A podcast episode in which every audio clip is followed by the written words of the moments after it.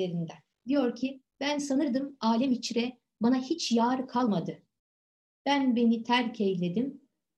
Bildim ki ayar kalmadı. Cümle eşyada görürdüm. Har var, gülzar yok. Hep gülistan oldu alem. Şimdi hiç har kalmadı. Gece gündüz zaru efkan eyleyip inlerdi dil. Bilmezem ne oldu, kesildi ah ile zar kalmadı. Gitti kesret, geldi vahdet, oldu halvet dost ile. Hep hak oldu cümle alem, şehru bazar kalmadı. Din diyanet, adetu şöhret, kamu vardı yele. Ey Niyazi ne oldu sende, kaydı dindar kalmadı.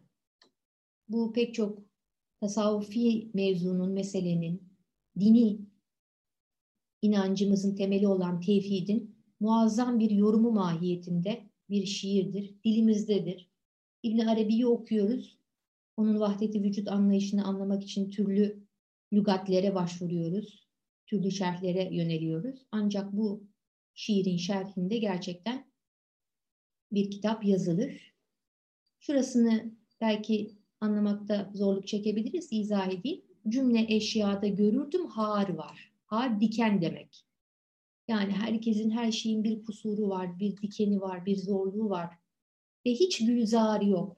Gül bahçesi yok bu alemde. Sanırdım. Hep gülistan oldu alem. Şimdi hiç har kalmadı. Şimdi her yer gülistan oldu. Hiç diken kalmadı. Böyle bir şey olur mu? İnsan bu kemal derecesine erir mi? Bu bir ideal midir? Ulaşılmış, her yerin gülzara, gül bahçesine döndüğü bir zaman, bir makam var çok şükür. Biz de ona doğru ilerliyoruz inşallah. Tabii ki görüyoruz dikenler ama insan kendisiyle barışık hale geldikçe, insanı tanıdıkça, yaşı ilerledikçe, kendi kusurlarını affetmeyi, kendi kusurlarıyla yolda devam etmeyi öğrendikçe başkalarını da, çevresindekileri de o ıı, velev ki kusur olarak bir zamanlar gördüğü huylarıyla sevip kucaklamayı da öğreniyor. Alem böyle güzel, kulluk kusurdan hali değil diyoruz efendim. Münasebeti geldi, biz de paylaştık. Şimdi kimdir bu müflis? İflas etmiş kişi kimdir? Bununla ilgili Hazreti Peygamber'in hadislerinden de bahsedeceğiz. Hapse düşmüş müflis adam. E, oradakileri de rahat bırakmamış. Söyledik bunu. Sinek gibi yemeklerin başına üşüşüyormuş. Kimsenin elinde lokma bırakmıyormuş. Efendime söyleyeyim. Oradakiler yılmışlar. Allah muhafaza öyle bir insan olmaktan cümlemizi korusun. Zindandakilere zindanı daha da bir böyle karartmış. Efendim demişler ki 625. beyit bu adamı zindandan çıkarsanız ne ala dediler. Hatta bir vakıf kurup bir vakıf kurup yemeğini oradan tahsil etseniz Aliyül Ala olur. Yani öyle biri yiyor ki buna vakıf kurulsa yeridir. Hazreti Mevlana'nın bir latifesi bu. Hep birazdan ey kadı efendi konuyu kadıya götürmüşlerdi. Bizi kurtar diye yalvardılar mahkumlar. Senin hükmün adildir. Kadın ve erkek cümle kullar senden razı olmuştur. Kadı vekili halden sözden anlayan insaf sahibi bir adamdı Kadı Efendi huzurunda o biçarelerin derdini olduğu gibi anlattı. Kadı Efendi bunun üzerine bahsi geçen şahsı çağırıp divanına getirtti. Güvendiği kimselerden de adamın hal ve ahvalini teftiş etti. Soruşturdu. Kadı işin aslını sorup inceleyince mahkumların şikayet sebeplerini anladı, zindan ahalisinin sözlerine canı gönülden hak verdi. Haklısınız dedi. Hepimizin istediği şey bu değil midir hayatta? Biri bize az çok hak versin. Aman arkadaşlar bütün irtibatlarımızda, ilişkilerimizde öncelikle karşı tarafa e, bunu bir hissettirelim. Çünkü her insan kendi açısından, kendi şartları içerisinde bir tecrübe yaşamaktadır ve bir hakikati tecrübe etmektedir. Haklıdır bu durumda. Haklısınız demekten e, kendimizi men etmeyelim. Bol bol söyleyelim. Fakat tabii arkasından izahlarımız da gelecektir. Bizim de kendi açımızdan konuyu gördüğümüz doğrudur.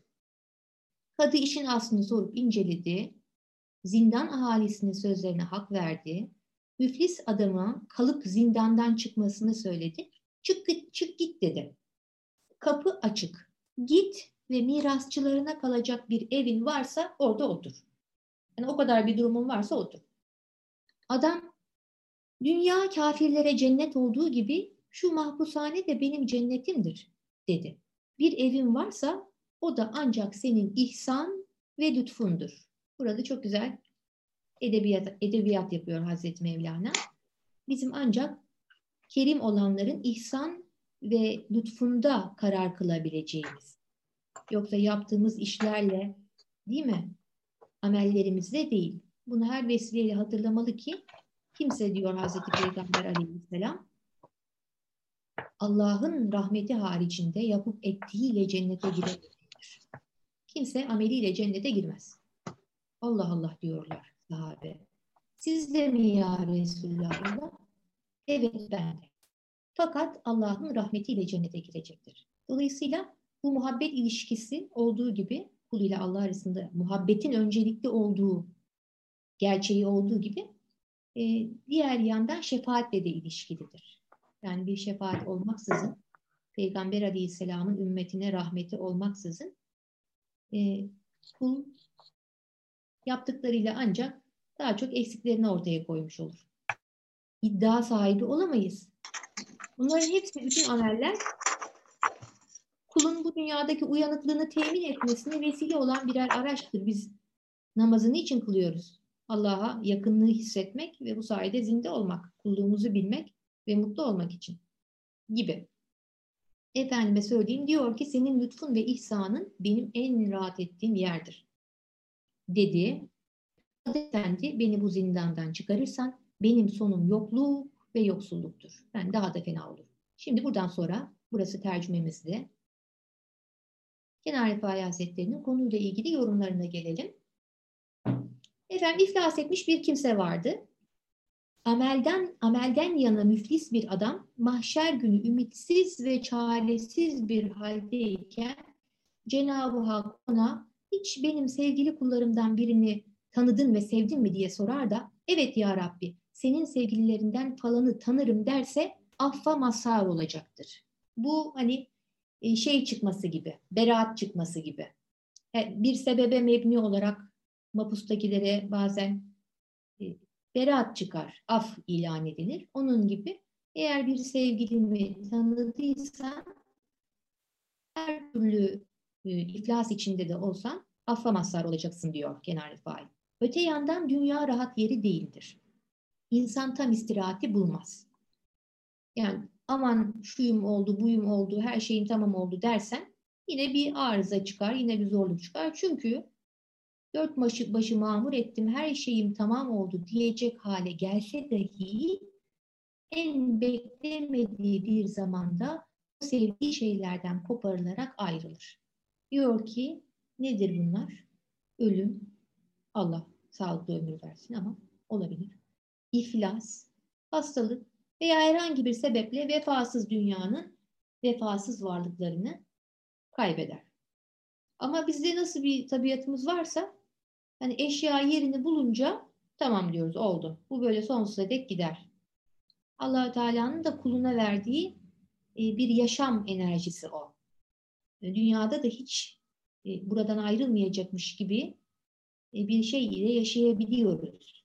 Bunu yapmasak dünyada kalacak kadar arzumuz olmaz. Dolayısıyla e, bu da güzel bir şey. Dünya ahiret dengesi açısından çevremizi mamur etmemiz, kendimize bakmamız, evimize bakmamız, düzenimizi temin etmeye çalışmamız güzel bir şey. Fakat şunu bilmeli ki hiçbir şey kalıcı değil. Ya sen gidiyorsun ya ilgi duyduğun nesne değişmeye başlıyor. Güzelliğinden eksilmeler başlıyor. Bunun gibi. Öte yandan e, Kenar Rifai yine diyor ki beni çok etkiliyor. Bütün dünya zevkleri hani o zenginlikler tam da iflasın zıttı olan mamuriyetler onların hepsi birer itiyattan, alışkanlıktan ibarettir. Hani diyor o köşklerde, yalılarda gördüğünüz hayatlar var ya o hayatların hepsi itiyattır, alışkanlıktır.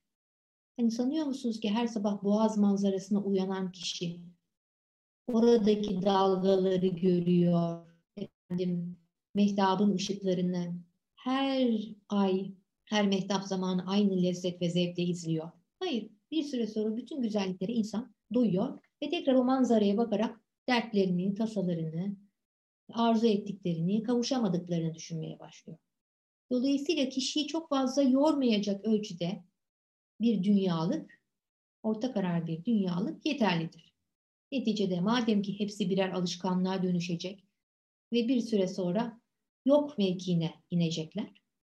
O halde orta karar bir hayatı tutturmak ve dünya için o kadar yorulmak kafidir. Sohbetlerden bir bölüm İbrahim Ethem Hazretleri buyuruyor ki Salik'te şu üç hicap, örtü, Aziz Allah Celle Celaluhu kalmayınca ona devlet kapısı açılmaz. Biri kendisine dünya ve ahiret verilse şad olmamak. Dünyayı verdiler, ahireti verdiler. Durumunda değişen bir şey yok. Diğeri çünkü bunlarla sevinme beşeri duyguların icadıdır. Değil mi?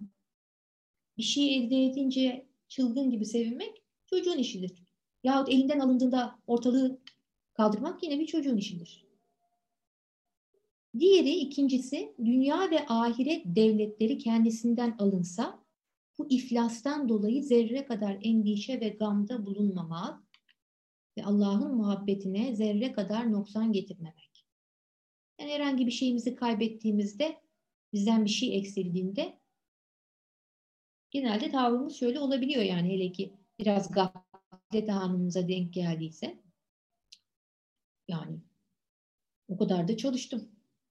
Nerede bir yanlışım oldu? Ne oldu? Şimdi bunlar niye benim elimden çıktı? Hafif bir kırgınlık. Allah'a derdim var, yanacaksın ama zaten o aldı diyorsun. Ona da yanamıyorsun. Bu tür çocukça haller hepimizde zaman zaman görünüyor. Allah muhafaza buyursun. Temelde haktan gelen yine onun izniyle zaman zaman azalabilir. Kur'an-ı Kerim'in de bize hatırlattığı bir gerçek bu. Sizi malların azalması, hastalık ve daha türlü imtihanlarla imtihan ederiz. Böyle iman ettik deyip de salı verileceğinizi mi düşündünüz? İmtihan ederiz, eksiltmekle, arttırmakla da sırasında imtihan ederiz buyuruyor allah Teala. Üçüncüsü insanların övgü ve senasına aldanıp kapılmamak. Çünkü bu hal himmet hazlığından ileri gelir, azlığından özür dilerim. Himmetin yüceliği imandandır. Yani kişi himmetini yüce tutmalıdır derler. Bu nasıl bir söz? Ne demek isteniyor bunda? Kişinin himmeti Allah'ın, peygamberinin ve onun sevgililerinin sevgisini, muhabbetini kazanmak yönünde olmalıdır.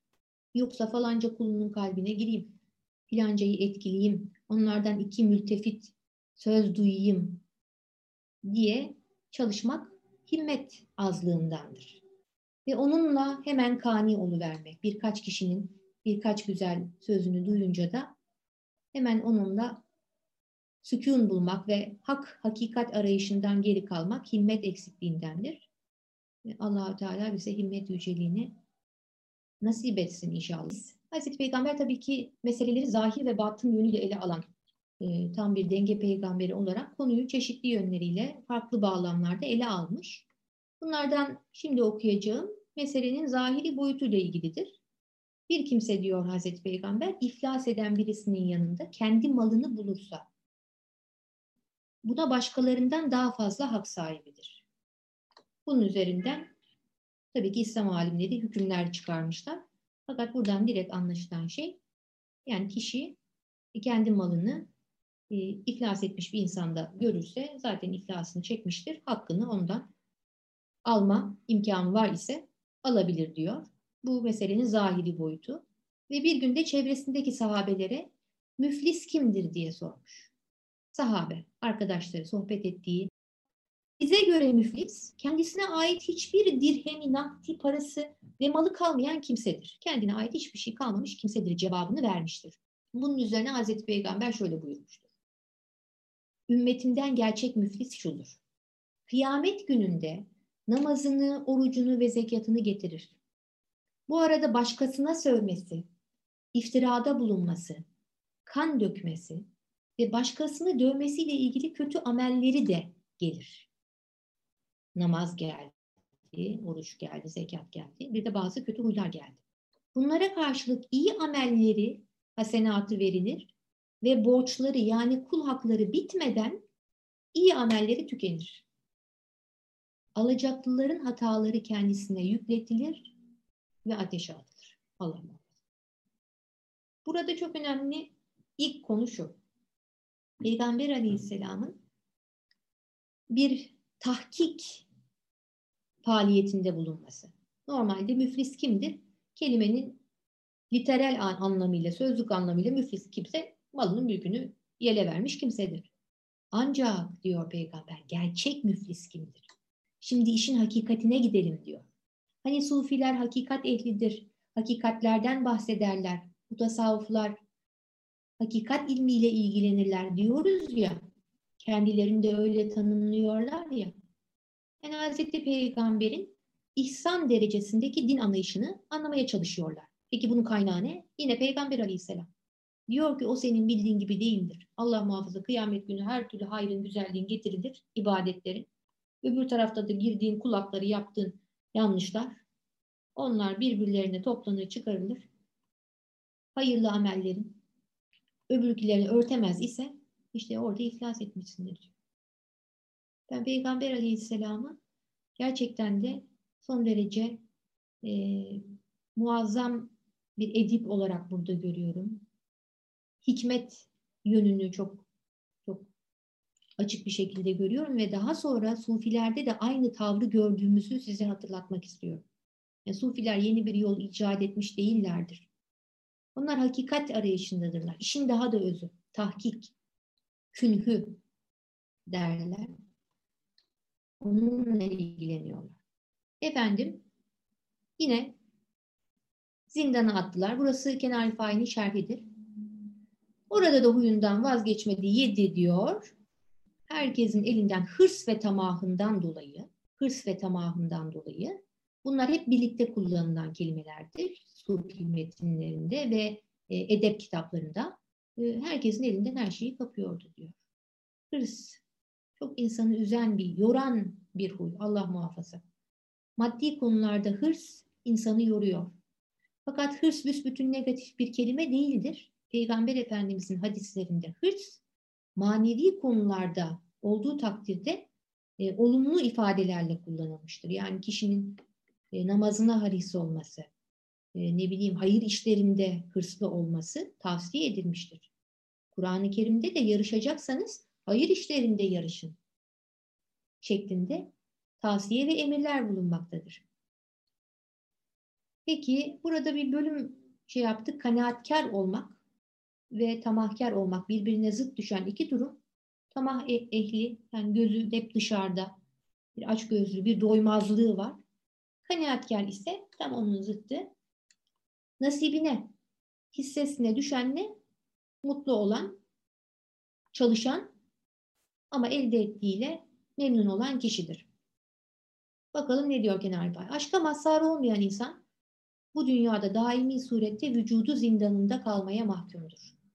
Demek ki bu zindan, bizim müflis adamın düştüğü zindan aslında az çok hepimizin içinde bulunduğu vücudumuz zindan.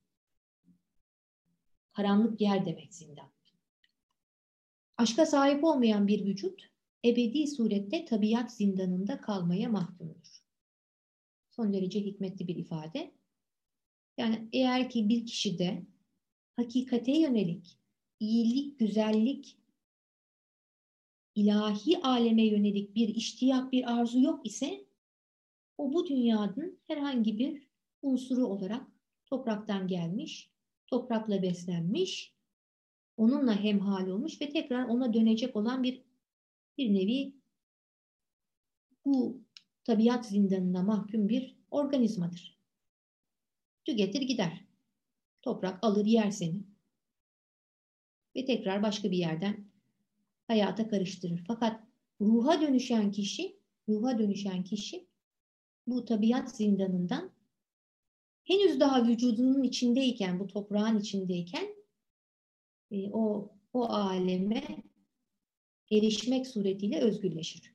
Diyor ki yine Rifai, bir ruh ki maksadı kemale ermek iken, burası o kadar önemli ki, yani maksatlarımızı unuttuk. Fakat hatırlamalı ki biz buraya tekamül için geldik. Sahip olmak için değil, biriktirmek için değil, oldu olmadığının derdinde olmak için değil. Biz kendimizi bilmeye, tekamüle geldik. Zarf olarak kendisine verilmiş cismin hırs ve arzularına kapılarak dünyaya gelmekten maksud olan hakikati unutup süfliyete dalarsa işte bu hapishaneye düşen müflis kişi gibi sefil olması tabidir. Allah muhafaza. Demek ki kendimize sık sık şunu soracağız. Beş kere ezan okunuyor. Allahu Ekber, Allahu Ekber. Allah'tan başka ilah yoktur. Haydi ona dön. Burada temel mesele biz hakikaten günlük e, maksatlarımızı, aylık hedeflerimizi, yıllık kariyer planlarımızı insanlığın gayesi sandık. Bu 21. yüzyılın temel meselesi bu. Hani espriler yapıyorlar ya, üniversiteden mezun olur olmaz öğrenciye ne olacaksın diye soruyorlar, CEO olacağım diyor. yani bu, işin en son yeri yani böyle. Her türlü şeyin yöneticisi, en büyük menajer ben olacağım. Ama bunun bir basamakları var değil mi? O da bir tekamül yani. Ömür vereceğim, yorulacağım. Yavaş yavaş oralara çıkarsın inşallah. İnsanlığa da faydalı olursun. Ama işte eskiden hedefler öyleydi ki, yani geleneksel hayatımızın hakim olduğu dönemde kişi kendini bilmek için yolculuğa çıkıyordu.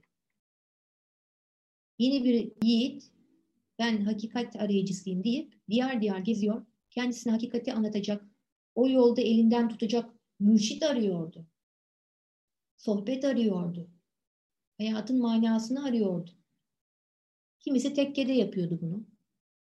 Kimisi diğer diğer geziyordu. Hakikati yollarda arıyordu.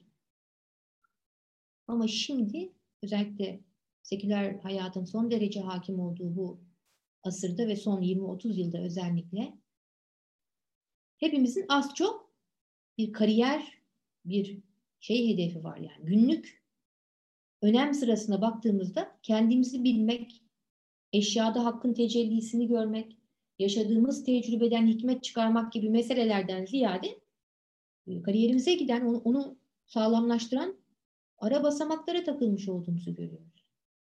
İnsanlara, olaylara takıldığımız. E o zaman bir zindana dönüşüyor Allah muhafaza. Evet süfliyete dalarsa ki herkesin başına gelebiliyor. Aman diyor işte o kişi bu müflis gibi sefil olabilir. Şu halde aman öyle olmamak için ne yapacağız?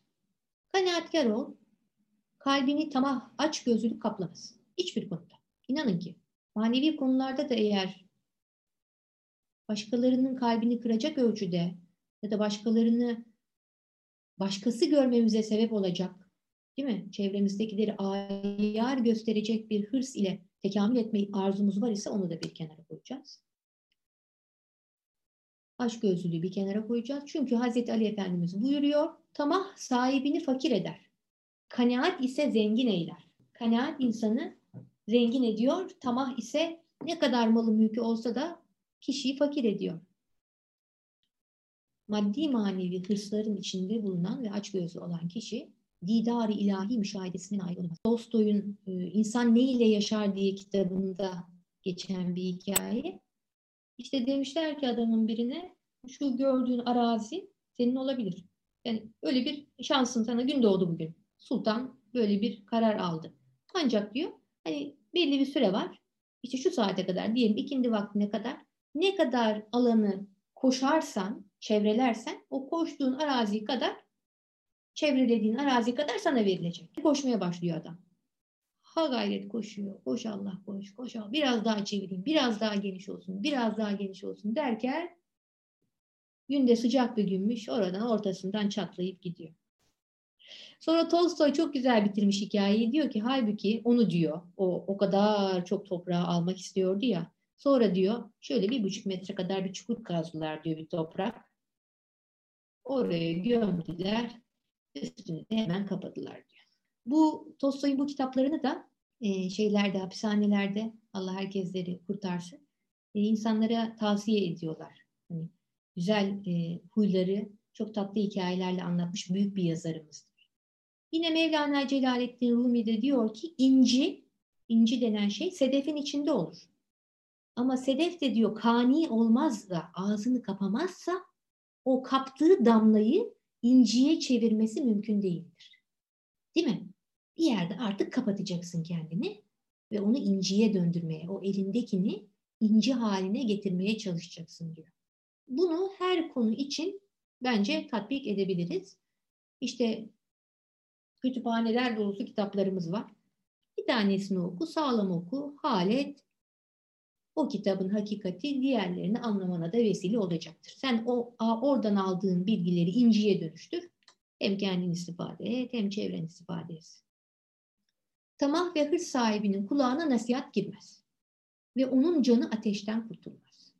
Kim ki Cenabı Hakk'ın davet ve ziyafetinden dur ve nasipsizdir, o kimse padişah da olsa yine dilenci sirettir Allah muhafaza. Yani hırs ve tamahtan kurtuluş bulamaz. Ve fakr ve ihtiyaçtan kurtulamaz. Ve kenzila yefnadan, tükenmez hazineden mehcur ayrı kalmıştır. Yani asıl mesele e, kaynağa ulaşmak. Kaynağa ulaşmak. Bir kere bir kere insan kendi kaynağını içinde ulaşınca değil mi? Habire dışarıdan bir şey taşımasına gerek kalmaz. E, çok güzel bir örnektir.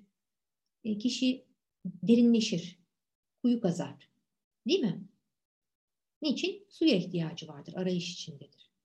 Derinleşir, derinleşir, derinleşir ve nihayetinde artık suya ulaştığında artık boyut değişir. Yani başta aradığı şey ile başta aradığı, bulacağını düşündüğü şey ile o, o kaynağın, o gözün uyanışından sonra, o pınarın uyanışından sonraki nasip aynı şey değildir. Dolayısıyla bizim bütün maddi manevi arayışlarımız bizi kaynağa eriştirinceye kadardır. Ondan sonra bilmediğimiz başka bir alem bizi içeriden besleyecektir. Hırs ve tamah öyle bir kötü huydur ki insanı türlü hayallere düçar eder. Düçar, bir insanın bir nimete nail olması, böyle bir nimete nail olması bildiğimiz bir tabir. Fakat bir de bazı hallere düçar olmak, Allah muhafaza vardır. Düçar olmak. Düçar eder, hırs, tamah gibi vücudu tahrip edici ve helake sevk edici hayvani meyillerden kurtulup bunların yerine insanlığa yakışan vasıflara sahip olan kimseler dostluğa, arkadaşlığa layık kimselerdir. Bu dediğimiz vasıflara malik olan kimselere insan denilebilir. Yani sufiler, bakın arkadaşlar, hani gerçekten meclislerinde bulunsak kolayına hitaplarına dayanılır kimseler değil. Hakikaten yani filanca falanca vasıflara sahip olan insandır. Diğerleri beşerdir, numunedir. Mealinde çok ifadeleri var. Yani şimdi böyle insan kendini şey hissediyor. Acaba ben oluyor mu tam hani yaklaştım mı acaba ben de insan olabileceğim gibi mi? Bunu duyuyorsunuz. Hangimiz diyebiliriz ki bende böyle bir şey yok, hırsı yok? Sabaha kadar filanca falanca mevzu ile uykularımızın kaçtığı vaki oluyor. Değil mi? Halbuki kanaat sahibi insan, tevekkül sahibi insan, işleri Allah'a havale etmeyi hayatına yerleştirmiş, hal etmiş insan. Yattım sağıma, döndüm soluma. Gerisi Allah'a emanetler. Güzel bir uyku çeker. Dolayısıyla insanlığımızı bu ölçülere göre tekrar değerlendirmek durumundayız. Ama tabii ki beşer olmaktan insan olmaya giden çok da zevkli bir yolun içinde olduğumuzu söylemek istiyorum. Yani hani hiç yanlışımız olmasa hemen böyle bir kere dinleyince ertesi gün aynen denildiği gibi yapıyor filan olsak çok hiç hikayesiz bir hayatımız olurdu. Rumi'nin mesnevisindeki pek çok iş, hikaye e, tam da derviş olmayı beceremeyen sufilerin hikayeleri hikayeleridir. Öyle değil mi? Sabret der hocası sabrı bilmez. Şükret der yanlış anlar. Git şişeyi kap getir der hangisini kırayım der. eksiklerimizin hepsi kemale giden yolda bizim birer basamağımızdır. Onları seveceğiz ve tabii ki doğrultmak için ve tamama yaklaşmak için gayret edeceğiz. Efendim müflis adam devam ediyor hikayeyi. E, hapishane ehline orayı da dar etti, cehenneme çevirdi. Fakat fakat efendim diyor ki zindaniler dünyada işledikleri kötü haller nedeniyle düştükleri bu mahpushanede günden güne daha da bir sıkıntıya giriyorlardı. Fakat onlar ezelde yüklenmiş oldukları menfi hallerin bu suretle tasfiye olacağını düşünerek teselli buluyorlardı. Burası çok önemli. Yani başlarına oradayken gelen bu halin ezeldeki nasiblerinin bir karşılığı olduğunu düşünüyor. Şimdi bakın hikaye malum halimiz hepimiz biliyoruz. Kazvinli'nin biri, değil mi? Bu Neşeli Mesnevi hikayesinde anlatayım. Kazvinli'nin biri diyor ki ben aslan gibi adamım diyor, delikanlıyım. Şöyle diyor koluma bir aslan dövmesi yaptırayım. Herkes anlasın benim nasıl bir ciğerim var, nasıl bir yüreğim. Diyerekten o niyetle gitmiş bir dövmeci. Demiş ki dövmeci kardeş bana şöyle güzel bir aslan döv. Herkes anlasın benim kim olduğumu. Peki aslanım diyor sen bilirsin. Hemen alıyor kızdırılmış iğneyi. Hak diye çocuğun koluna saplıyor. Allah diyor yandım. Ne yapıyorsun sen diyor. E ne yapayım diyor adam. Aslanın diyor kuyruğunu yapıyorum. Ay, ay canım canım acıdı diyor. Kuyruk kulakumum acıdı. İstemem ben diyor. Benim aslanın kuyruğu olmasın ne olur sanki diyor. Peki diyor dövmeci adam sen bilirsin. Sonra alıyor tekrar iğneyi geçiriyor. Daha ilk sadmede adam diyor ki ne yaptın? Çok fena canım yandı. E bacağını yapıyorum aslan diyor. Ay olmasın diyor o bacağı eksik olsun. Üç bacaklı olsun benim aslan diyor.